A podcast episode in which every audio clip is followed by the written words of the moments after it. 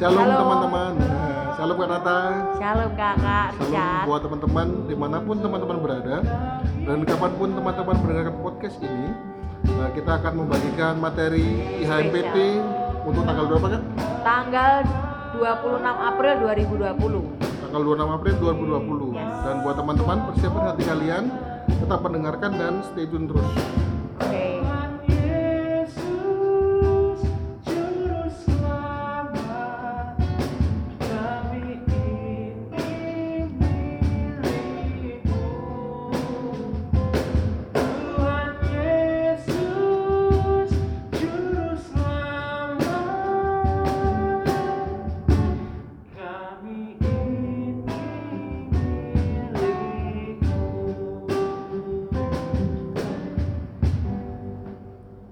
Kasih Kak Petri. Dan Kak Abner. Kak Abner, terima kasih.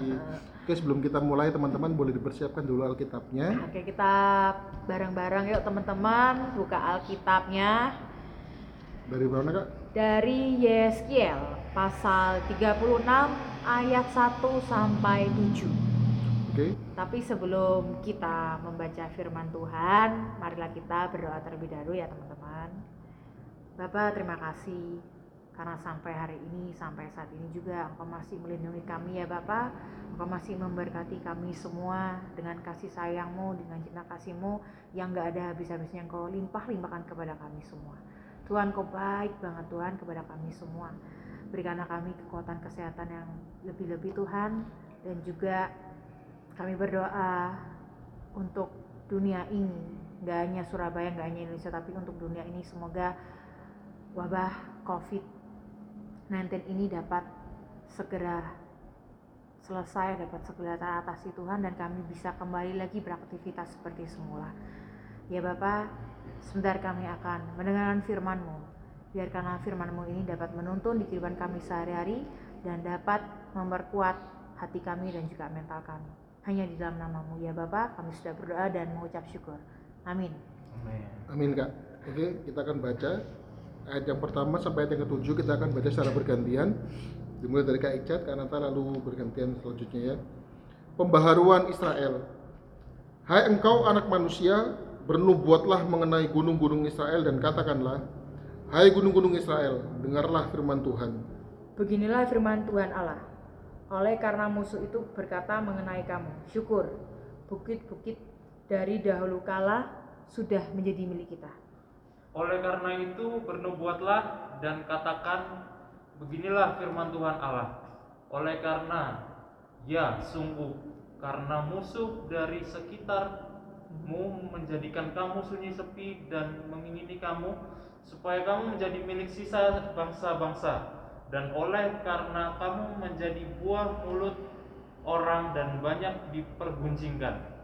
Oleh karena itu, hai gunung-gunung Israel, dengarlah firman Tuhan Allah kepada gunung-gunung dan bukit-bukit, kepada alur-alur sungai dan lembah-lembah, kepada reruntuhan-reruntuhan yang sunyi sepi, dan kepada kota-kota yang sudah ditinggalkan, yang sudah menjadi jarahan dan olok-olokan bagi sisa bangsa-bangsa yang di sekitarnya. Oleh karena itu, beginilah firman Tuhan Allah. Aku pasti berfirman dalam api cemburuanku melawan sisa bangsa-bangsa dan melawan seluruh Edom yang menentukan tanahku menjadi miliknya dengan segala rasa sukacita dan rasa penghinaan sehingga tanahku itu dimilikinya dan dapat habis dijarah. Oleh karena itu bernubuatlah mengenai tanah Israel dan katakanlah kepada gunung-gunung dan bukit-bukit, kepada alur-alur sungai dan lembah-lembah. Beginilah firman Tuhan Allah. Sungguh, aku berfirman dalam amarah cemburuanku oleh karena kamu sudah menanggung noda yang ditimbulkan bangsa-bangsa. Oleh sebab itu, beginilah firman Tuhan Allah: Aku bersumpah bahwa bangsa-bangsa yang di sekitarmu sendiri pasti akan menanggung dosa mereka. Demikian jawab pembacaan kita pada hari ini. Kiranya yang berbahagia bukan hanya kita yang mendengarkan, tetapi melakukan dalam setiap kehidupan kita sehari-hari. Haleluya. Haleluya, haleluya, haleluya. Oke, Kak. Gimana kabarnya sehat-sehat semua kan? Puji Tuhan. Tuhan. Luar biasa. Dengan semakin bertambah uh hebohnya kasus tentang corona ini ya, Hmm. sehingga akan diberlakukan PSBB, Hmm. Tapi kita masih sempatkan buat memberikan materi ini kak ya. Iya. Oke, Kak Patrick, bagaimana dari yang kita baca tadi? Apa yang bisa disampaikan kak? Iya, yang pertama mungkin tadi sempat dibahas ya di firman Tuhan itu apa tentang jatuhnya bangsa Israel karena dosa yang mereka buat dan pada saat itu ada satu nabi yang hidup di zaman itu Hmm. yaitu Nabi Yeskiel. Siapakah Yeskiel itu? Ah, menurut SPT ini Nabi Yeskiel itu adalah seorang nabi yang hidup pada zaman itu dan Yeskiel sen- sendiri memiliki nama arti adalah Allah menguatkan. Jadi ia berasal dari keluarga imam dan tinggal di Yerusalem sepanjang 25 tahun pertama hidupnya. Nah, seperti itu, Kak. Jadi teman-teman yang punya nama Yeskiel, arti nama kalian adalah Allah, Allah menguatkan. menguatkan. Jadi jangan minder dengan diri kalian, tetap kuat. Nah, konflik yang terjadi sebenarnya ada apa ini kak? Pada saat Yeskiel ada dalam atau jadi saksi dalam konteks tersebut kak? Ya kurang lebih waktu itu di- bangsa Israel jatuh karena dosa yang mereka buat. Itu merupakan kekejian bagi Allah. Yaitu adalah dosanya mereka menduakan Allah, Kak. di mana mereka mempersekutukan Allah. Jadi kalau boleh dibilang ada terjadinya penyembahan berhala di situ. Sehingga tanah mereka yang seharusnya itu menjadi tanah milik bangsa Israel jatuh ke bangsa-bangsa lain gitu kak ya? Iya. Nah kalau Kak Nata sendiri dengan Kak Abner, seandainya milik kalian itu tiba-tiba jatuh ke orang lain, rasanya seperti apa sih Kak? Yang pasti rasanya mangkel sih kak. Rasanya Mangkel, pasti. Ya mangkal pasti. Sedih ya ya. Iya. Apalagi Kecewa. eh, barang itu atau milik kalian itu sudah diwariskan jauh-jauh hari ya. Betul, betul. Nah tapi kenapa ini bisa jatuh ke bangsa Israel? Tadi sudah jelaskan oleh Kak Patrick bahwa karena kesalahan, Kesalahan sendiri. iya kesalahan sendiri. Jadi bangsa Israel ini sempat menyembah berhala sehingga bangsa Israel pada saat itu sempat dikatakan atau dikatai oleh bangsa-bangsa lain milik yang harusnya kudus di mata Allah malah kamu najiskan sendiri. Nah seandainya kalau Kanata dan Kak Abner punyanya diambil orang lain tapi karena kesalahan sendiri seperti apa rasanya Kak? Menyesal. Menyesal ya? Menyesal menyesal. pasti. Pasti merasa, waduh, gimana ya, bodoh banget sih aku ini. Ya. Kok punya aku tiba-tiba di tempat lain? Ah, jadi seperti itu ada betul kata Kak Nata tadi ada penyesalan, penyesalan yang sangat luar biasa. Penyesalan sangat luar biasa. Kira-kira Israel sangat- merasakan itu Kak Abed? Iya, pastinya kak. Tanah yang menjadi milik mereka direbut, dilumpuhkan oleh bangsa, Bangsa lain. lain. Itu pastinya, waduh, gimana ya sakit hati. Yang pastinya sedih, bercampur aduk deh kak. Tapi kalau menilik dari kesalahan sendiri kayaknya ya ini salahku sendiri mau bagaimana begitu ya. Nah. Tapi ketika Yeskiel datang, sepertinya ada secerca harapan ini Kak. Ya. Yang disampaikan Yeskiel pada saat itu apa ya Kak? Ya, yang disampaikan oleh Yeskil adalah eh, di antara lainnya kalau kita baca ya eh, di sepanjang ayat 36 itu eh sorry, pasal yang ke-36 itu adalah kurang lebih seperti ini. Jadi bangsa Israel akhirnya tetap dipersatukan kembali, tetap eh, Tuhan memenuhi janjinya bahwa Tuhan tidak akan meninggalkan bangsa Israel sampai kapan pun walaupun bangsa Israel telah jatuh ke dalam dosa. Jadi ada pemulihan di situ terjadi pemulihan. Terjadi Ada pemulihan. pengampunan ya. Ada ya? pengampunan Tuhan. Pengampunan. Tapi memang jelas di Alkitab tertulis bahwa ada kata kecemburuanku, Nah, kecemburuan Tuhan ya karena penyembahan berhala tadi. Tetapi pemulihan ini bisa kita baca kayak di ayat yang ke-8 sampai ayat yang ke-10 kita baca. Kak Abner bisa bantu buat bacakan Kak? Boleh kak? Jadi kita mulai dari ayat yang ke-8 ya, Iya. pasal yang sama. Kakak akan bacakan sampai ayat yang ke-10. Maka kamu, gunung-gunung Israel, akan bertunas kembali dan akan memberi buah untuk umatku Israel. Sebab mereka akan segera kembali. Hatiku akan baik kembali dan aku akan berpaling kepadamu dan kamu akan dikerjakan dan ditaburi. Aku akan membuat manusia banyak di atasmu, yaitu segenap kaum Israel dalam keseluruhannya. Kota-kota akan didiami lagi dan reruntuhan-reruntuhan akan dibangun kembali. Nah, ini jelas banget kayak pesan Ya. Tuhan. Artinya Tuhan mengampuni. Hmm. Tuhan mau kembali berpaling kepada Israel. Bahkan memberikan Israel itu janji bahwa Israel ini akan subur kembali. Iya. Kota-kota akan didiami lagi seperti itu kayak. Iya. Nah kalau kita korelasikan dengan kehidupan anak-anak remaja masa kini kak, konflik ini kan sering terjadi dalam kehidupan mereka. Hmm. Kira-kira konflik seperti apa yang sering terjadi kak Nathan dalam kehidupan remaja? banyak yang pasti ya Nah, Complicated ya. complicated Hmm. Kom- Itu kayak status kayak dulu Iya. available, Sekarang Sekarang complicated. complicated, jadinya agak rumit gitu ya. rumit ya Tapi remaja ini biasanya menghadapi konflik itu dengan cara berpikir yang mungkin sebenarnya menurut mereka benar, tetapi cara yang mereka lakukan tidak peduli Iya. dengan sekitar eh, iya, sekitar, Orang sekitar. dampak sekitar terhadap orang Iya, lain. Yang penting mereka sekitar. benar. Ya. Yang penting mereka bisa mendapatkan yang mereka mau. Lah konflik seperti itu kalau kita mau sambungkan dengan bangsa Israel, sepertinya hampir sama kak ya. Iya. merasa benar ya Ya, pastinya eh, kalau kita samakan dengan bangsa Israel kak ya, kan bangsa Israel ini kan ter- terkenal dengan bangsa yang tegar tengkuk, Ya di betul. mana eh, apa mereka selalu merasa ben- merasa benar dengan apa pun yang mereka lakukan, tidak peduli eh, apa yang walaupun terjadi itu salah. ya, gitu. ap- tidak tidak eh, peduli dan memikirkan nanti ke depannya gimana Nah, Ah, jadi- hasilnya hasilnya hasilnya Hmm. gimana Nah, ini sama juga kalau kita korelis korelasikan Korelasi. atau hubungkan dengan kehidupan remaja saat ini. Mungkin bukan hanya remaja tapi banyak orang saat ini ya. Di mana banyak yang ya acuh tak acuh lah. Ya pokoknya ini aku benar kok. Padahal nggak tahu konsekuensinya ini baik. atau buruk Iya, untuk sekitar Atau mungkin caranya yang salah kayak menunjukkan bahwa dia benar dengan cara yang salah. Ya seperti itu kak ya. Jadi Memang remaja ini terkadang lupa menyadari dirinya sendiri bahwa setiap remaja tidak bisa menyelesaikan konflik sendiri tanpa bantuan orang lain. lain. Ataupun kalaupun tidak orang lain tanpa bantuan Tuhan.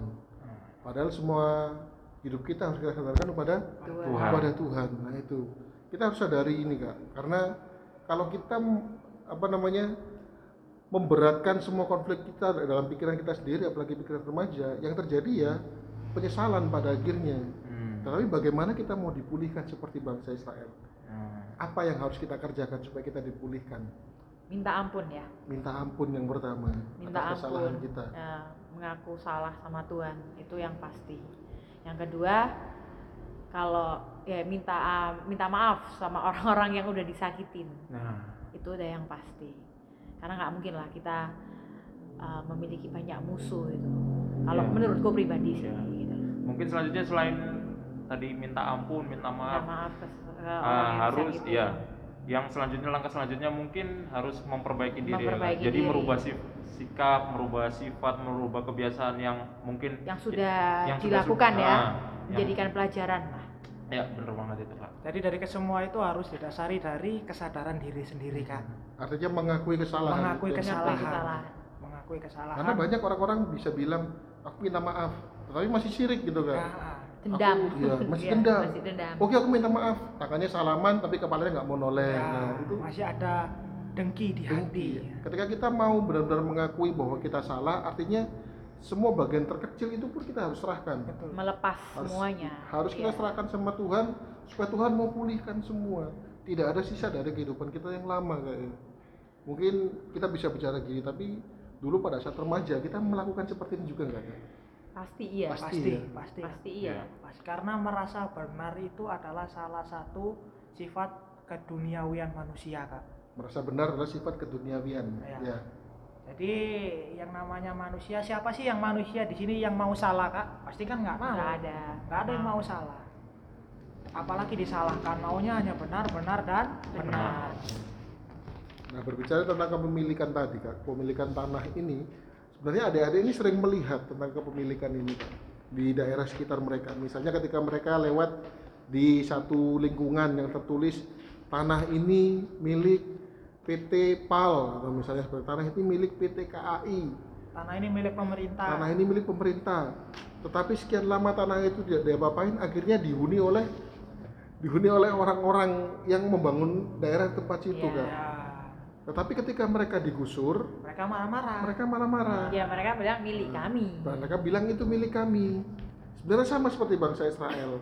Ketika kita tidak menggunakan bangsa Israel tidak menggunakan tanah itu dengan baik, Hmm. akhirnya diduduki oleh bangsa lain, Kak. Tapi janji Tuhan, ya dan amin, dibersihkanlah tempat itu dan janji Tuhan akan kembali menyuburkan tempat itu. Gitu Kak Pet ya, kurang Iya. lebih ya. Ya. Yang pastinya selalu ada pemulihan, selalu ada pengampunan yang Tuhan berikan. Tapi satu yang pasti bahwa Tuhan itu adalah Tuhan yang penuh kasih, Ia adalah juga Tuhan yang pencemburu juga. Nah, jadi kita jangan memper- sampai mempermainkan kasih yang sudah diberikan Tuhan. Nah, kalau karena akibatnya adalah seperti apa yang dialami bangsa Israel tadi, tanahnya hancur, tanahnya direbut. Karena Tuhan punya al- alasan lah, Ya pokoknya Tuhan punya alasan. ya, siapa sih yang mau diduakan ya kayak Nggak gitu. ada ya. Kamu Kayak- sudah dikasihin Betul. semuanya kok. Iya. Jadi gampangnya gini nih kak, sebagai contoh untuk diklaim kepemilikan ya. Contoh ini contoh. Ada salah satu budaya kita contohnya diklaim sama negara lain. Gimana perasaan kita? Padahal itu budaya kita, tapi kok Oh. diklaim sama negara lain. Langsung semangat nasionalismenya tumbuh. Ah. Itu milik kami, itu itu milik pulau kami. kami. Padahal se- kenapa sebelum diklaim itu kalian tidak membanggakan? Ya, betul. Malah kalian tidak menganggap kalau itu budaya kalian, tapi ketika sudah diklaim sama negara lain, baru kalian semangat 45, oh itu punya kami, rebut kembali. Seperti itu. Kan banyak-banyak contoh-contohnya banyak. Hmm, Contoh betul, betul, Kak. tarik kecak di Bali pernah diklaim. Diklaim Contoh juga. rendang juga pernah diklaim. banyak yang pernah diklaim. Gitu. Bahkan artis-artis pun diklaim juga. Bahkan ya. artis pun diklaim. Tapi itu sebenarnya jadi introspeksi diri kita sendiri kak. Kenapa sampai diklaim? Kenapa kita cuma marah ketika sesuatu yang seharus- seharusnya kita banggakan diambil alih oleh orang lain? Kenapa tidak pada saat sebelum diambil itu kita bisa lestarikan lebih baik ya. lagi? Karena apa? Karena kita tidak bisa menerima. Hmm. Karena kita tidak bisa menerima, kita menganggap hal itu itu hal yang sepele, bukan hal yang wah untuk diri kita. Udah biasa dengan Udah kita gitu. bukan hal yang wah. Jadi ketika diambil orang lain, loh itu punya saya kok, kok kamu tiba-tiba ngambil? Tidak bisa seperti itu dong. Jadi berarti poinnya teman-teman ini semua harus menyadari ya bahwa pada saat konflik terjadi, yang pertama yang harus kita ingat adalah kita harus tetap bersandar pada Tuhan, eh, pada Tuhan supaya konflik itu bisa terselesaikan dengan baik, bukan dengan kekuatan dan kemampuan kita sendiri. Tetapi ingat sebelum kita bilang bersandar pada Tuhan, kita juga harus berusaha. Tidak cuma Tuhan tok yang bekerja, Kita harus juga harus tenang bekerja, harus Iya. Ah Tuhan yang kerjain kok gitu. Kita harus sudah kerjakan porsi kita. Nah, Baru biar Tuhan biarkan- mengerjakan porsinya Tuhan. Nah, itu. Ada tambahan lagi kak? Ya, mungkin sejauh ini itu saja sih kak. Tapi eh, kakak mau ingatkan lagi bahwa Allah selalu memberikan pengampunan, Allah pen- penuh kasih. Tapi jangan sampai mempermainkan Allah. Kasih yang sudah diberikan jangan sampai memper- jangan sampai kita permainkan. Apalagi di dalam keadaan seperti ini, iman kalian sebenarnya pada saat ini sedang diperjuangkan. Apakah dengan terbiasa tidak beribadah, kalian malah lebih membiasakan diri, atau kalian akan mencoba untuk, iya, aku lebih mencari Tuhan. Nah, itu jangan sampai iman kalian hilang. Kita tetap tumbuh dalam pengharapan ya teman-teman. Betul apa kata apa kata Kak tadi? Kalian lebih terbiasa mencari Tuhan atau kalian terbiasa tidak bersama Tuhan? Membiasakan diri akhirnya Ya, membiasakan diri tanpa Tuhan atau membiasakan diri untuk mencari Tuhan. dengan berbagai alasan, ah, sudah nggak bisa ibadah. kok." Nah, betul padahal firman Tuhan pun kita bisa baca kapan aja dan di mana aja. Siap? Ada tambahan lagi kak kakak? Sudah Cukup ya. cukup. Cukup.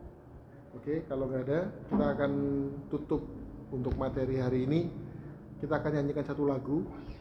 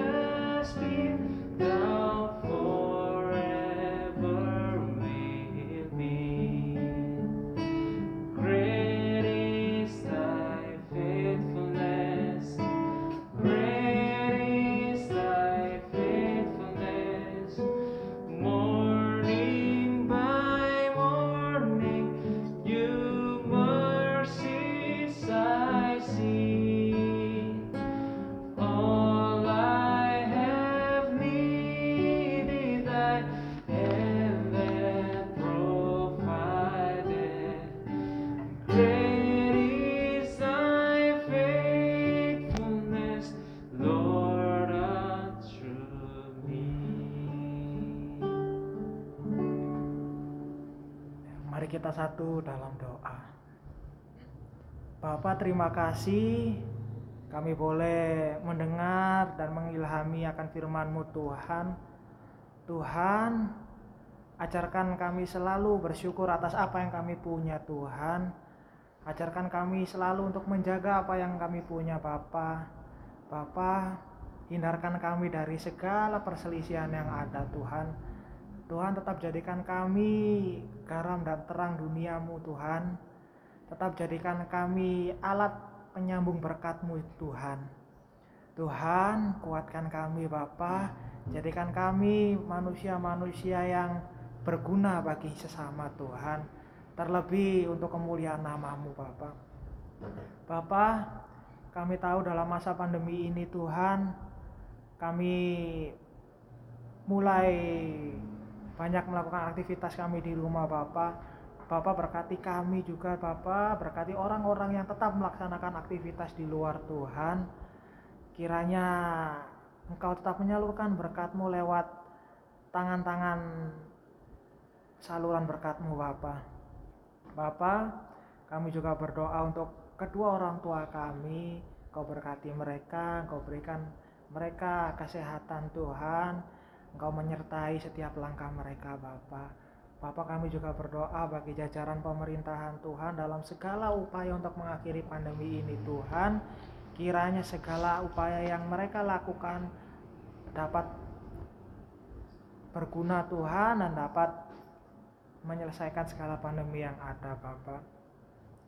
Bapak, kami juga berterima kasih Tuhan dalam masa-masa ini kami dapat lebih dekat lagi bersama keluarga kami Bapak. Kami dapat saling bersilaturahmi. Lebih dekat lagi dengan keluarga kami Tuhan. Tuhan inilah doa dan ucapan syukur kami Bapak. Yang kami naikkan hanya di dalam nama Tuhan Yesus Kristus yang telah mengajarkan kami doa yang sempurna. Bapak kami yang ada di surga dikuduskanlah namamu. Datanglah kerajaanmu jadilah kehendakmu di bumi seperti di surga. Berikanlah kami pada hari ini makanan kami yang cukupnya dan ampunilah kami akan kesalahan kami seperti kami juga mengampuni orang bersalah kepada kami. Dan janganlah bawa kami dalam pencobaan tetapi lepaskanlah kami daripada yang jahat. Karena engkaulah yang